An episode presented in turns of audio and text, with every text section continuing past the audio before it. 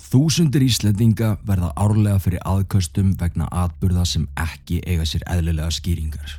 Í gegnum tíðina höfum við fengið talsvert af sögum sendar til okkar þar sem fólk er raunverulega að lýsa hræðslu og óta á yfirnáttúrulegri upplifun. Atvikum sem hafa komið fyrir þau á stopnunum, vinnustöðum en þó lang oftast inn á þeirra eigin heimilum. Í þessum þáttum munum við fara yfir aðsenda sögur, deila þeim með þjóðunni og rýna betur í þær saman. Ég heiti Stefan John Og ég heiti Katrín Bjarkadóttir og þetta eru sannar íslenskar draugasögur.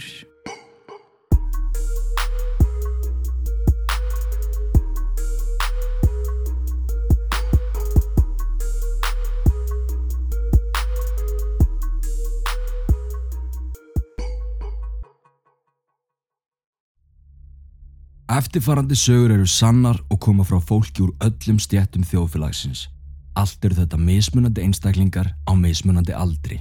Og allt þetta fólk á það sameigilegt að hafa lent í einhverju yfirnáttúrulegu og það hér á Íslandi. Orðalagi og uppröðun hefur lítilega verið breytt til þess að koma sögunni sem best til skila. En að öðru leiti eru frásagninnar nákvamlega eins og þær bárust okkur. Sögurna verða sagðar í fyrstu personu eins og þær eru skrifaðar og eftir hverja sögu munum við Katrín taka örstuðt spjall. Ertu tilbúin í þetta? Ég er klar. Saga 1. Langumu hús Þetta gerðist síðasta sömar og ég var í sveitinni hjá ömmu og afa. Ég farið ánga reglulega síðan ég fættist og er alltaf hjá þeim yfir sömurinn til að vinna. En í fyrra var náttúrulega COVID-19 og ég var að vinna með túrista svo ég ákveða að færa mig upp eftir í langumu hús til að vera einn þar til að ég myndi ekki smita og vort ömmu og afa. Ég elska langumu hús en það heitir það því að langama var svo sem lifði þar síðast. Nú er enginn sem býr þar heldur er þetta meira orðið að sumarhúsi fyrir ættingja sem búa langt í burtu frá sveitinni. En málið er að alltaf þegar ég er einn þarna þá finn ég að ég er ekki alveg einn. Það hefur oft gert mig stressaða en ég reyni bara að hugsa að þetta eru bara gömlu ættingjarnir mínir sem byggu þar því þau voru auðvitað mörg sem að byggu í húsinu saman alltaf í gamla daga. Allavega, ég fóru upp eftir til að dvelja þar restin af sumrinu.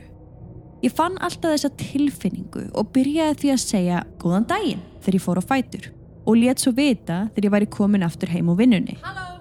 En eitt kvöldið þá byrjaði ég að heyra skríti hljóð komað ofan en ég sef sem satt á neðri hæðinni. Ég vissi að þetta var ekki brak í gamla húsinu þar sem ég þekki húsi vel og veit hvernig það brakar í þækinu og gluggunum og fleira. En þetta, þetta var eitthvað allt annað. Þetta var fótatak. Eins og kvennaskór með litlum stuttum hæl, svona dæmigerðir konuskór. Sá sem var á gangi þarna ráfaði bara um á efrihæðinni og inn í herbergjónum uppi. Ég vissi eiginlega strax hvað væri í gangi, þar sem ég trúi mjög mikið á sálir sem sumar verða eftir. Ég lá bara í rúminu mínu og fór að hugsa að þetta gæti verið langama, þar sem þetta voru nú kvennaskór. En ég vildi líka að þetta hljóð myndi hætta. Svo ég sagði bara hátt. Góða nótt langama. Skýrt og greinilega. Svo það myndi heyrast upp. Og það virkaði. Því eftir að ég slefti síðasta orðinu þá hætti þessi fótgangur uppi. Ég átti ekki til orð því þarna fannst mér ég hafa sannað fyrir sjálfri mér að þetta er til í alvörunni, ekki bara ímyndun.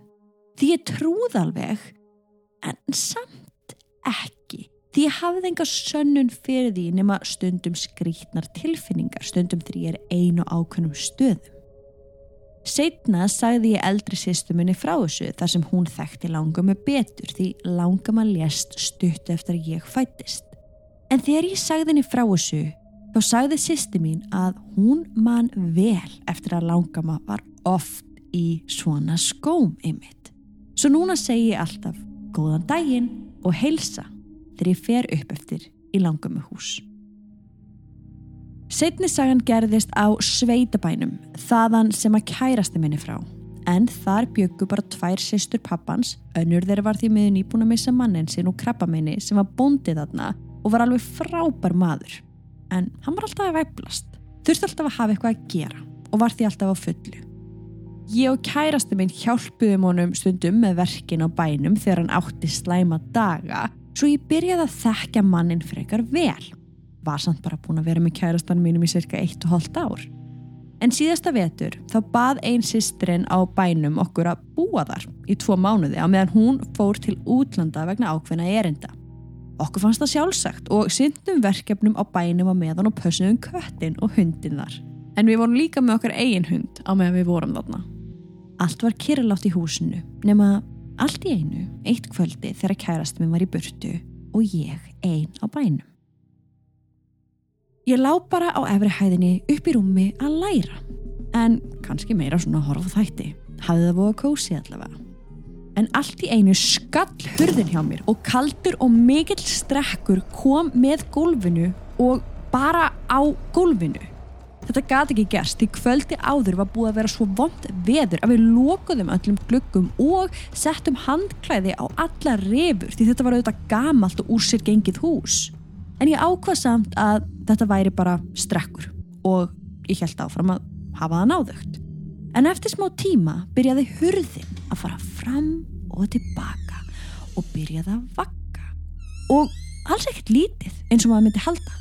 Heldur opnaðist svona halva leið og aftur tilbaka. Aftur og aftur. En ég held áfram að segja bara að þetta væri strekkur. Stuttu eftir það byrja ég svo að heyra eitthvað væplast inn í eldúsi, opna skápana og leggja frá sér hluti og svoleiðis. Vissi þá að kærast minn væri komin heim aftur, en ég nefndi enga veginn að fara undan sænginu minni, svo ég ringi í hann og spyr hvort hann sé ekki komin heim. Nei, sagði hann. Hann var ennþá á selfossi. Mér brá og ég segi honum að ég hafi heyrt einhvern hamagang niðri. Eftir símtalið fór ég niður og kíkti en þar var engin. Fór aftur upp og hjælt bara áfram að horfa á þáttin. Þá byrjaði hurðin aftur og hamagangurinn niðri líka. Núna var ég orðin hrætt svo ég hljóp niður að ná í hundi minn og þetta var í fyrsta skipti sem ég var á undan hundinum upp stegan. Hundurinn skildi ekki neitt en held bara áfram að sofa uppi hjá mér. Stuttu setna byrjaði hurðin á herberginu enn og aftur að fara á stað og væblingurinn niðri byrjaði aftur á fullu. Opna skápa og leggja til og frá sér. Meira að segja hundurinn ræsti sig og stóð ekki á sama og horfi á hurðina og var að hlusta á eitthvað. Núna var kærasti minn komin heim, hugsaði ég. Svo ég ringi í hann aftur og hann sagði að hann var í nýlaður á stað frá Selfossi. Um leið og kærasti minn sagði hvar hann væri, trilltist hundurinn okkar og hljóp að hurðinni og ég skelljóvart á kærastan sem var í símanum sem heyrði allt. Ég hljóp niður með hundunum og greip vasanýf í forstofunni og við hundurinn fórum í sitt hvora áttina en fundum ekkert. Kötturinn var svomandi í kjallaranum svo það hefði ekki geta verið hann en það var engin annar í húsinu. Hundurinn horfið á mig og skildi ekkert og hann var ekki einn um það.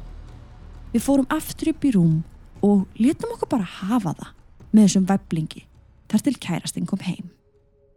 Setna fattaði ég að þetta hafi mjög líklega verið gamli bóndin sem bjóðaðna því hann var jú alltaf að væblast eins og þessi draugur sem var í húsinu. Svo að mér langa bara að trúa því að þetta hafi verið hann. Bestu kveðjur, Sandra Rós. Takk innilega fyrir þína reynslusögu Sandra Rós. Og gaman að fá að nafngreina. Já, væblingur. Það er nýja upp á svarðum mitt. Að væblast Að eitthvað. væblast. Nú verð ég að væblast eitthvað. Já, þú ert ofta að væplast Ég er alltaf að væblast eitthvað. En það er verðingavert að stíga fram með svona frásögn og það er einmitt undirnafn. Algjörlega. En það sem margir hafa búið í gegnum 20 ára og jafnvel margir saman í stórum fjölskyldum hverju sinni eins og týðgæðist náttúrulega hérna áður fyrr, þá er mjög líklegt að einhver skilja eftir sig orkur þar sem heimilin eru griðarstaður okkar flestra og margir sem leita þangað aftur þegar tímið þeirra er liðin. Mm -hmm. Langamadín var örgla á þrammunni þarna á hæðinni fyrir ofan og fattaði örgla skilabóðin þegar þú byrður hana góða nótt. Og hún Algjörlega. hefur loksins þögn. Algjörlega og mér finnst þetta einmitt svo fallegt af því að ég, einmitt eins og þú segir ég trúi því að kynnslóðin og undan okkur og kynnslóðin og undan henni Mhm. það einmitt bjó einhverstar á einhver svona sveitabæ. Já. og þú veist, oft voru kannski þú veist, 10-16 börn Já, á einum stað. Og ég er að hugsa núna um hús sem er í ættinni minni. Já. þar sem að einmitt amma mín ólst upp og þar sem langama mín bjó. Og við höfum einmitt farið í rannsók farið og ég náði sambandi við langömmu mína sem Alveg ég varst ofbáslega fallegt en ég held einmitt að þetta fólk það heldur sig á þessum stað. Já, þetta er heimilið þeirra. Þarna leiðum vel. Mhm. þarna eru margar góðar minningar. Og þarna er fólkið þeirra. Alltaf að koma aftur Já, aftur, aftur og aftur, aftur. og það er ekki þar með sagt að þessi andi eða við tölum langama þeina hún sé alltaf bara þarna. Nei, nei, en, en ég er nokkuð vissum um þetta þarna hafið þú heyrt í henni og eins og þú segir það hafi virkað að segja eins og við höfum oft sagt í Mhm. okkar þáttum það virkar að tala við ef við ætlum að kalla þá drauga eða anda eða hvað sem er. Það virkar að setja um ákveðna línur og þú veist þegar þú segir bara góða nótt mm þá er það bara góða nótt. Akkurat, við mælum alltaf með þessu og eiginlega getum ekki hægt að einbra á því að tala uppátt, hátt og skýrt og það með ákveðnist tón. algjörlega. Á hinum sveitabænum er uh, líklegt að þetta hafi verið væblingurinn ef við við erum að kalla hann væblingin er það ekki, gott, Jú.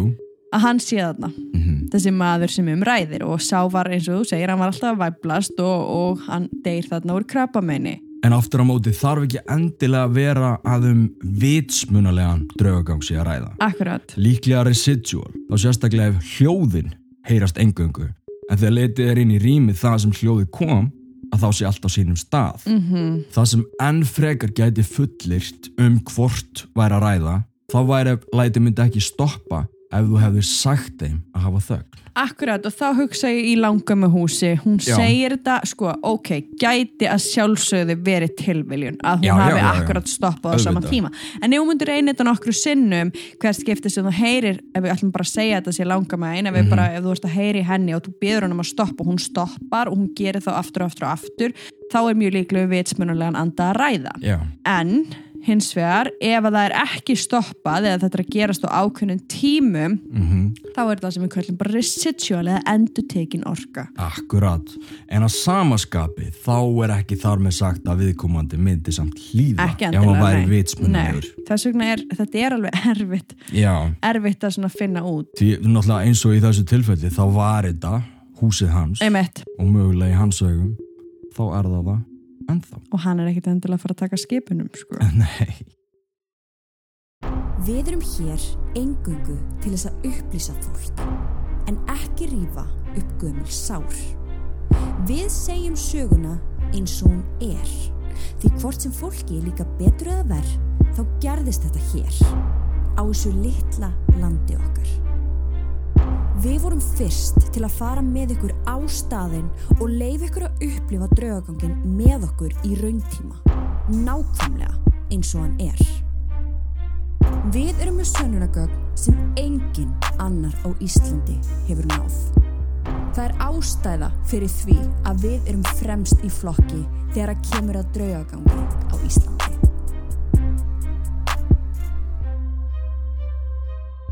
Skoðuðu áskriftarleiðirnar inn á patreon.com skástrygg draugasögur.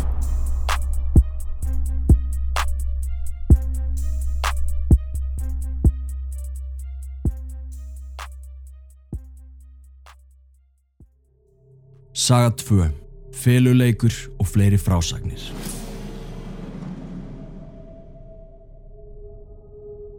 Þegar ég var rúmlega fjara ára gamall og bjó í skagaferði á samt eldri bróðum mínum á Sveitabæ upp á hjá ömmu og afa, þá komu stundum upp atvik og gerast ennþann dag í dag, vil ég meina þá ólýsanleg atvik.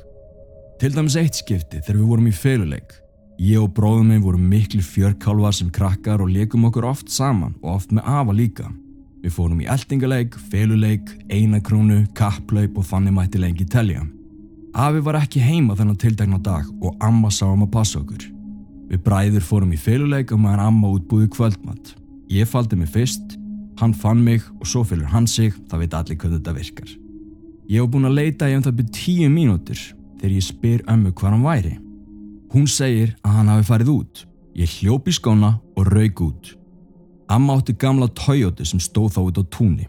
Ég leiti í fjárhúsunum en sé engan þar. Svo skyndilega heyri ég rödd kalla hérna sem hljómaði alveg svo bróðum minn. Ég hleyp út og bak við fjárhús þar sem bílinn stóð og ég sé eitthvað inn í bílnum og öskra Fundin! En hann kemur ekki út í bílnum. Svo ég lappa í áttina að honum og þeim er nær sem ég fer, þeim er ljósari og skýrari verður þessi vera. Þegar ég er eiginlega komin alveg af bílnum, brosir þessi ókunnuðu strákur til mín, vingar mér og hverfur svo í kjölfarið. Ég hleyp inn og segi ömmu frá þessu. Hún segi mér að hætti svo ruggli og finna bróðum minn sem hafi setið inn í stofu allan tíman salla rálegur. Engin trúði mér og ég hef ekki viljað að tala um þetta síðan. Þegar ég var fimm ára fekk ég að vita að ég hafi átt eldri bróður sem lést úr veikindum 2002 áður en ég fættist. Ég fór þá að pæliði setna mér hvort að þetta hafi verið hann sem ég sá þennan dag og hvort að hann hafi kannski viljað vera með okkur yngri bræðurum sínum eða kannski ekki. Ég hef alltaf fundið fyrir sterkum tilfinningum í tengslu við hann og ég tala við hann í draumum. Ef það eru erfiðu tímar kalla ég á hann og beða hann um hjálp og þótt ég sjá hann ekki veit ég samt að hann er með mér og venda mig frá öllu sem hann getur. Og ef ég líti baka þá gæti verið að ég sé svo litið næmur því ég get talið upp þúsundir atveika þar sem ég fundi fyrir nervuru eða veit af hættu og jafnvel einhverju sem á eftir að gerast. Ég hef líka fundið fyrir manni sem að tók sér degi lífi í bústagakverfinu í varmalíð þegar ég heimsóti ömmu í húsið hennar. En ég ásansagt fimm sískinni, fjóra blóðbræður og eitt fóstubróður. Tveir eldstu bræður mínir eru látnir annar lendi í móturhjólaslesi og annar úr veikindum. Mér langar að vita eitthvað sem ég hef ekki fengið svör við. Til dæmis þegar ég sá fóstubróðum minn í síðasta skiptið áður en hann dó eftir alvarlegt bifhjólaslis. Þá vissi ég svo stert einhverja hluta vegna að ég myndi aldrei sjá hann aftur. Ég veit ekki hvað það var, en það var eitthvað sem ég tók samt ekki mark á þó þessi tilfinning hafi verið í um það byrj 5 sekundur. Ég hristi það mér og mánuði setna var hann dáin og það magnaðasta við þetta er að ég sá hann senast sama dag og eskuvinnur hans pappa dó 4. apríl árið 2006 nema þetta var árið 2017.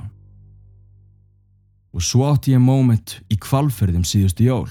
Við vorum nokkru félagar á leðinni heim frá Akranesi á Dodge Strumpastrætó að hlusta á podcastin ykkar. Yay! Við fórum fjörðin því nesi var lokað út á ófærð. Við vorum komin að ferstiklu þegar við ákveðum að taka kjósina heim og þá byrjaði það. Ég fór að stressast upp og fá einhver hugskeiti um að við ættum ekki að fara kjósina heldur halda áfram bara beint og klára fjörðin. Ég tala við strákunum um að halda áfram því mér lítist ekkit á bleikuna. Þeir segja allir að það sé bara ruggli mér, það væri ekkit að fara að gerast og við höldum okkur við planið. En um leið og þeir sleppa orðinu kviknar á beltisljósin í mælaborðinu hjá aukumanninu. Ég kallaði og spurði hver var ekki belti og allir svörðu að beltin þeirra var í spennt. En það var eitt stakt sæti fyrir aftan mig og það var þaðan sem ljósi gaf til kynna að þurft að spenna beltið. Ég sagði að þetta væri sko merkjum að fara ekki kjósina en þeir halda samt ferðina áfram. En þegar við komum upp brekkuna hjá vegahandriðunum kemur rosalega hálka í brekkunni. Beltisljósi logar ennþá og skyndilega fyrir bílinn að renna til vinstri og fram á brúninni. Þetta voru rúmlega 6 metra framaf og í skurð. Bílinn hættir ekki að renna framaf og það skipti engu máli hvað aukumæðurinn gerði. Bílinn rann alveg þangað til hann snar stoppar í hálkunum utan í kantinum. Það var eins og við hefum farið í vegg sem stoppaði okkur. Ég lappaði út og sjálfsögði að renna á rassin en að komir hinum með við bílinn. Þá sé ég að það munar ekki nema 2 cm að bílinn húrist fram á veginum og ofan í skurðin og hálkan náði yfir kantin og alveg niður. Það var ekki þurr þráður af grepi á kantinum þannig að ekki gata verið hann sem að stoppaði bílinn. Ég tek við stýrinu og byrja að bakka. Bílinn rennur mikið til en alltaf er eitthvað sem greið bílinn þegar ég fór yfir brúnina og ítti honum alltaf tilbaka. Að lokum næja að koma bílinnum niður, snúa við og halda áfram. Um leið og við komum okkur úr kjós og aftur í fjörðin hverfur beltaljósið í mannlausa sætinu. Enn og aftur voru allir í beltum. Þá kallar eitt strákurinn. Kanski voru þetta bræður þínir. Ég verið upp og niður eftir þetta, varandi þetta atvik. Og ég held að bræður mínir hafi mögulega komið með til bjargars. En er samt ekki alveg viss. Hvað haldið þið? Þú sem þakki fyrir þessar upplifanir þínar og ég verð að segja að allt þetta sem þú hefur upplifað hljómar fyrir mér bara allt eins og það make fullkomin sens. Mm Og vinir þínir samanlast um það hann í lokin. Já, En jú, það sem minningin setur fast í þér þegar þú varst í feluleiknum og sást drengin í bílnum að veifa þér gæti vel verið bróðuðinn emitt sem að lést ára en þú fættist kannski að taka þátt í þessum leik með ykkur bræðurum nú eða þá andi einhvers annars drengs. En aðeins þú veist það og treyst þínu innsægi hvað það varðar. Mhm. þó enginn hafi trúað þér þá skaltu vita það að við hér gerum það allan svo sannarlega. Og líka ég ætla bara að segja þér eins og með féluleik þetta er alveg svona pínu óögulegu leikur út af því að þetta hefur alveg komið fyrir oft hjá fólki að allt í hennu er bara einhver komin í leikin sem er ekki alveg að þessum heimi og Einmitt. þeim aðilega langar bara til þess að vera með. Já, en já, þú verður svolítið að finna innra með þér hvort þú haldir þetta hafa verið bróðin en, en mér finnst það alls ekki vittlu sögmynd og, og, og ekki. það er það sem ég myndi giska á. Mm og feluleikur er einmitt eins og þú segir þetta er alveg ákveðin trigger object leikur það hefur lengi reynst rétt að fólk sem að sér viðkomandi hinsta sinn áður en að lætu svo lífið viti jafnvel að það sé í síðasta skipti sem þessi tveir sjást eða þá bara annar þeirra. Mm -hmm. það er einhver svona óutskilt tenging eða vitrun sem við skiljum ekki en allt og algeng að hægt sé að hunsana og ég, ég maður bara viðtal sem við tókum við Johnny Safis þar sem hann lýsir síðustu samræðum sínum við Ed Warren hann talaði eins og hann vissi að hann var að fara að deyja hann skildi ekki akkur hann var að tala svona rosalega um eitthvað sem að skipti ekki máli. Ed, já. Já. Og hann saði mér sjálfur, þú veist, ég trúi því að fólk veit einhvern veginn. Það er eitthvað. Það er eitthvað sem við skiljum ekki. Já, það er eitthvað og nú tala ég sem bæði skign og algjörlega opi blóm í þessu Mhm. öllu saman. já Þetta er ótrúlega skrítin tilfinning þegar þú veist einmitt eitthvað svona við mannesku. og jáfnvel þá að viðkomandi gerir sér ekki grein fyrir þótt hann sé að kveðja. Já, algjörlega. en ég meina það er líka þessna sem við kveðjum öll hvort annað á hverjum degi. Knúsum fjölskyldur okkar og kissum makan okkar bless. Því við vitum aldrei hvenar það er í síðasta skipti. Nei, og svo er það senasta sagan og, og, þarna, og þá ert að spurja okkur. Já, og mér langar til þess að svara. já, Það er þarna nokkur ljós myndi ég segja að þú hafir mjög góða og sterka vendarengla sem passa upp á þig algjörlega. Og það sem ég finnst líka minnst alltaf pínu leiðilegt er það, en þú kannski sjálfur ert ekki alveg búin að átta þig á og þú kannski hefur ákveðna hæfileika sem þú ert ekki alveg að gefa þér kredit fyrir. En það er til dæmis það um þetta að vera næmur og það er það að vita hvernig hlutirnir eru að fara eða hvað er rétt og hvað er ránt og ég get gefið bara svona stutt að dæmisögu frá mér mm. bara þannig að þú getur tengt við að einhver annar hafi lendið sig bara í reynslu ætli ég hef ekki verið einhver úlingstelpa ég man ekkert hvað ég er gömul. Og ég var þarna byrjuð að átta mig á því að ég væri skegn og ég væri rosalega næm. Og það var alltaf maður sem að byrtist mér á kvöldinu, svarklættu maður virkilega, ef ég hugsa núna tilbaka virkilega óökulegur en ég lærði það mjög fljótlega hann kom ekkit of nálagt mér og hann síndi mér aldrei andlitið sitt en hann byrtist alltaf svona ákveðnum tímapunktum í mínu lífi. Og ég átti smá stundu og þau ert ungur, þau ert 12, 13, 14, 15 veist, þetta er skrítið, þú ert skrítin Já, já. skilur, þú já. að segja neina þetta. Nema hvað, ég er að labba þannig í hverfinu mínu og ég er að labba með vinkonu mínum og síðan bara allt í hennu stoppa ég. Og ég bara sé mannin og ég sé hennan svarklata mann og ég stoppa og bara næfa allar andanum. Og ég bara, hann segir ekkit við mig ég sé ekkit alveg í andliti á hann en hann segir bara við mig, snúðu við bara snúðu við, þú ert ekki að fara áfram. Og ég hugsa býtu þú veist, ég er í mjög örgu hverfi rétt heima hjá mér. Ég er að labba með vinkonu mínum. Af hverju er þessi maður sem er alltaf að byrtast mér, af hverju er hann að koma og segja mér að snúa við? Þannig ég held áfram og hann heldur áfram að segja snúðu við, snúðu við, snúðu við. Og hann, bara, hann, bara, hann er bara að segja þetta við mig þá getur allt í einu, ég get ekki sér að segja úrlingsvinkonu mínu þetta, ég hefði verið bara ógislega hallarisleg. Þannig ég einhvern veginn allt í einu segja bara, herru ég ætla að fara. Og ég sný mig við og vinkonu mínu bara, hvað meinar? Og ég bara, veistu, ég verð að fara. Og þá heyri ég bara, hlöftu og ég bara, ok. Og ég bara hleyp og ég bara fyrir að hlaupa. Og ég veit ekkert hverju ég er að hlaupa. Og ég snými við. Og þegar ég snými við þá sé ég að það eru tveir bílar komnir að vinkonum mínum. Mennirni komnir út að toga í aðra þeirra. Alveg semst bara að reyna að ná henni inn í bílin mm bara eldri menn. Við vorum börn. Já, og ég man að ég snými bara við og hann segir bara hlauftu aftur og ég hleyp af því í alvöru talað hvað átti ég að gera Já, já. ég var 13-14 Einmitt, sem barn, ára já. ég hefði ekki getað farið þarna sem batn og þú veist Mhm. en þannig byrja ég að fatta að hann kom til mín og þegar hann kom að þá átti ég að hlusta skiluru ég veit að þú ert búin að segja mér svo en var alltaf læg með vingunum þær voru traumatized voru þær teknar upp í bílinn?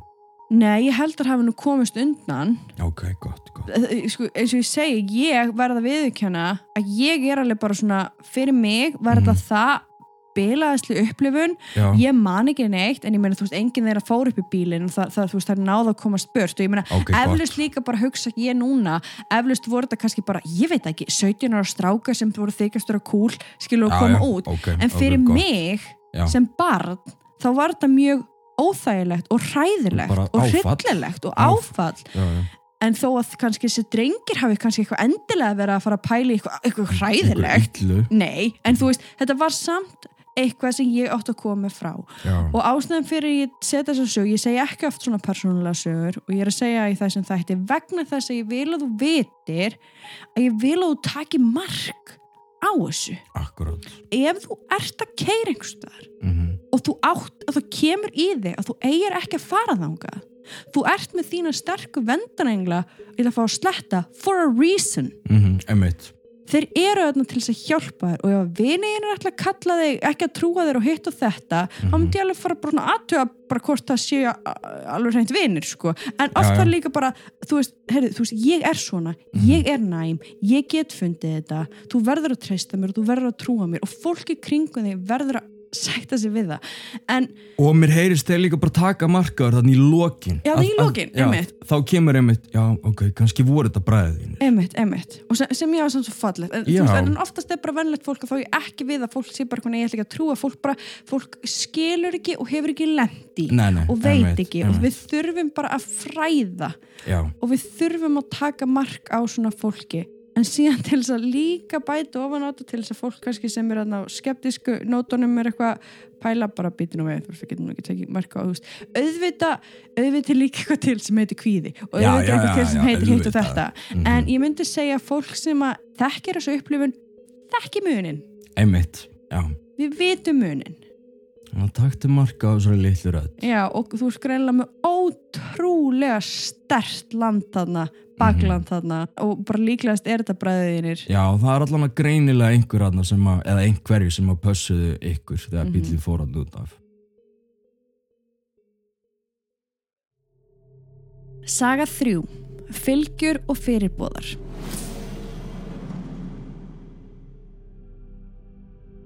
Á sveitabænum sem ég ólst upp á var og er heima grafreitur á túninu þar sem nokkur skildmenni mín kvíla. Ég hef aldrei séð draug svo ég muni en ég hef alltaf fundið fyrir nærvörð þeirra. En íbúðarhúsið var einungis örfám kílometrum frá grafreitnum. Hlutir áttu það til að hverfa. Skrítin hljóð heyrðust. Kettirnir áttu það til að stara út í hotnin og kvæsa út í loftið og forðast ákveðin herbergi. Það sama var að segja með hundana.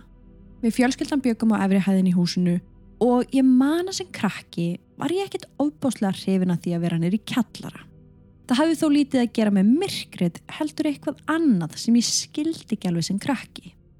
Ég var hrætt við ákveðin herbergi í kjallaranum og sem dæmum á nefna var herbergið undir mínu herbergi kalla kólageimslan. Ég heyrði stundum læti þar niðri á næturna og stundum eins og bankað væri í gólfið á mínu herbergi. Alla mína tíð hef ég forðast þetta herbergi og þegar ég hugsa tilbaka man ég eftir að hafa fundi fyrir nærfuru manns þarna inni og fannst eins og hann vildi ekki hafa með þarna. Í þessu herbergi er bara drastl, ímsir gamli hlutir, en það var aldrei notað sem geimsla fyrir neitt sem við fjölskyldan áttum. Þegar ég fóð niður í þvottahúsið sem var hliðin á kólageimslunni, fann ég líka fyrir skrítni nærfuru. Ekki beint slæmri, heldur meira eins og það væri undarleg orka sem síðan minkaði þegar ég var komin inn í þvóttahúsið. Freka nýlega fekk ég svo að vita að langama mín heitin hafi fengið hjarta áfall fyrir framann þvóttahúsið. Svo var það herbergið undir stofunni. Þar er ég eiginlega vissum að afi minn heitin sé. Það er hlínarfera og oft þegar mér leið illa fór ég þanga niður til að fá styrk. Þegar ég var úti eina að leika mér eða labba fannst mér alltaf einhver veita mér eftirför eða fylgjast með mér en ég fann að þau vildu mér ekkert illt. En það er samt alltaf óþægilegt að líða eins og einhver sé að fylgjast með sér og horfa á mann öllum stundum. Því miður hefur fjölskylda mín aldrei verið opinn með þetta umræðefni en ég veit að þau hafa öll fundi fyrir einhverju án þess þó að viðkenna það beint. Ég er með fylgju, undanfylgju eða fyrirbóða. Ég hef eflust alltaf verið með hana en ég fór fyrst að heyra sögur af henni þegar ég fór að heiman í mentaskóla og var þá mist langan tími í burtu í hvert sinn. En þegar að von var á mér heim auðvitað kettiti mínir alltaf brjálaðir nokkrum tímum áður eða bara þegar ég var búin að ákveða að fara heim, oftast kvöldi áður en ég kom. Þegar vinkona mín sem er skegn var að passa annan kötti minn heima hjá sér fekk hann æðiskast og byrjaði að hlaupa um og þá sá hún litla dökkara stelpu standa í dýrunum. Ég veit líka til þess að hundar hafi séð hana og börn. Þau horfa alltaf inn í forstofuna skömmu áður en ég kem. Ég og amma, nafna mín, voru mjög nánar. Hún var mjög ákveðin kona sem sagði og gerði nákvæmlega það sem hún vildi. Ég stundum ekki viss hvort eða hvað ég sá í jarðaförun hennar. En þegar upptalningin á börnunum og svoleiðis var lesinu upp, skeiði snögt yfir kirkjunni þegar ákveðin einstaklingur sem hún þóldi ekki í lifandi lífi var nefndur. Síðan byrti til um leið og næsta nafn var lesið upp. Sumir myndu segja að þetta hafi verið tilviljun, en ég bara get ekki verið viss. Kanski er það vegna þess að hún sagði mér það á einhvern hátt en hverju sem því líður þá hefur enginn í fjölskyldunni sagst hafa séða sama þennan dag. Þegar amma mín dó fann ég stert fyrir nærfuru hennar í nokkra mánuð og eftir. Ég var að ganga í gegnum erfiða tíma sem ég átti erfitt með að koma mér út úr. Ég fann stert fyrir nærfuru hennar og það gaf mér styrk til þess að komast á betri stað í lífunu. Á þessum tíma kynist ég núverandi kærastanum mínum. Þegar ég hef búin að vera með honum í smá tíma var ég einhverju sinna að leggja mig og lokaði augunum. Þá fann ég stert fyrir því að hún kæmi til mín og segði að hann hafi verið seinasta gjöfin til mín frá henni í þessu lífi. Ég held að þetta kallisti vitrun. Eftir þetta hef ég ekki fundið fyrir henni. Ég hef alla tíð verið fyrir eitthvað opinn með það sem ég hef upplifað ef það kemst til tals. En ég gef ykkur hér með leifi til þess að byrta nafn mitt með þeim sögur sem þið kjósið að deila með hlustendum. Kær hverja, Ragnæður Ósk. Takk fyrir innilega kæra Ragnæður Ósk fyrir þessar frásagnir. Við segjum ofta þessi litla rött í hauguna okkur. Tilfinningin sem við finnum fyrir í maðunum á ennsku kalla gut feeling Mm -hmm. hefur alveg oftast rétt fyrir sér. Svo stundum er alveg allt í lægi að hlusta og treysta á hana þó að engin annar gerir það eða trúi þér. Og þá er ég við þessa kólageimslu og hinn rýmin á neðri hæð húsin sem þú talar um í byrjun. Ef þú útlokar alla þætti sem að gæti átt eðlilega skýringu á hinn og þessu og aðeins eitt gæti komið til greina, treystu því þó bara. Fylgjur og undanfylgjur eru mjög algengar og við höfum reglulega í gegnum tíðin að fengi spurningur um svoleiðis og ætlum alvarlega að skoða mögulegan á því að taka bara fyrir hennilega þátt fyrir um það í hennu podcastinu okkar draugasögur. Já, fylgjur eru í langflestum tilfellum góðkynja ef svo má segja og ekki um eiginlega drauga að ræða heldur orku Mm -hmm. en jafnvel ef við ætlum að fara að þanga þá gætu þetta líka verið vendarenglar Já, og þetta er eitthvað sem maður þarf ekkert endilega að hafa ágjur af og mér sínist þú ekki hafa það. Þetta er bara merkileg saga. Þetta er bara algjörlega. góð saga og þetta er bara þetta er merkild að þetta sé að gerast svona oft. Mm -hmm. og svo hérna með ömmuðina mér þykir leitt að heyra um hana en á sama tíma notalegt að hugsa að hún hafi verið þér til tags fyrstu mánuðinu þarna eftir. Af því að framleinir ættingar okkar eru oft í kringum okkur og stundum allar lífsleið. Stundum á erfiðum tímum og stundum er að segja á þeim góðu. Mhm. Og mér langar það aftur, fyrst ég nú að deila en nú ekki oft sem ég er að, Nei, í nei. þessum gýr en þeir eru að ná mér á góðin degi Já, sko. já. og ég er líka bara svo ánað að fólk sé að koma undir nafni ég held það, að það, er sé að gleðja mig svo mikið Já. að fólk sé að hætt að vera hrætt Já. að segja frá því sem það er að lenda í vegna þess að ég get sagt þér það á mínum tíma þegar ég var skegn Mhm. þetta var erfitt, Já. þú veist. Þetta er erfitt að burðast með einn. Na, ég sem betur fyrir átti ótrúlega góða mömmu og pappa.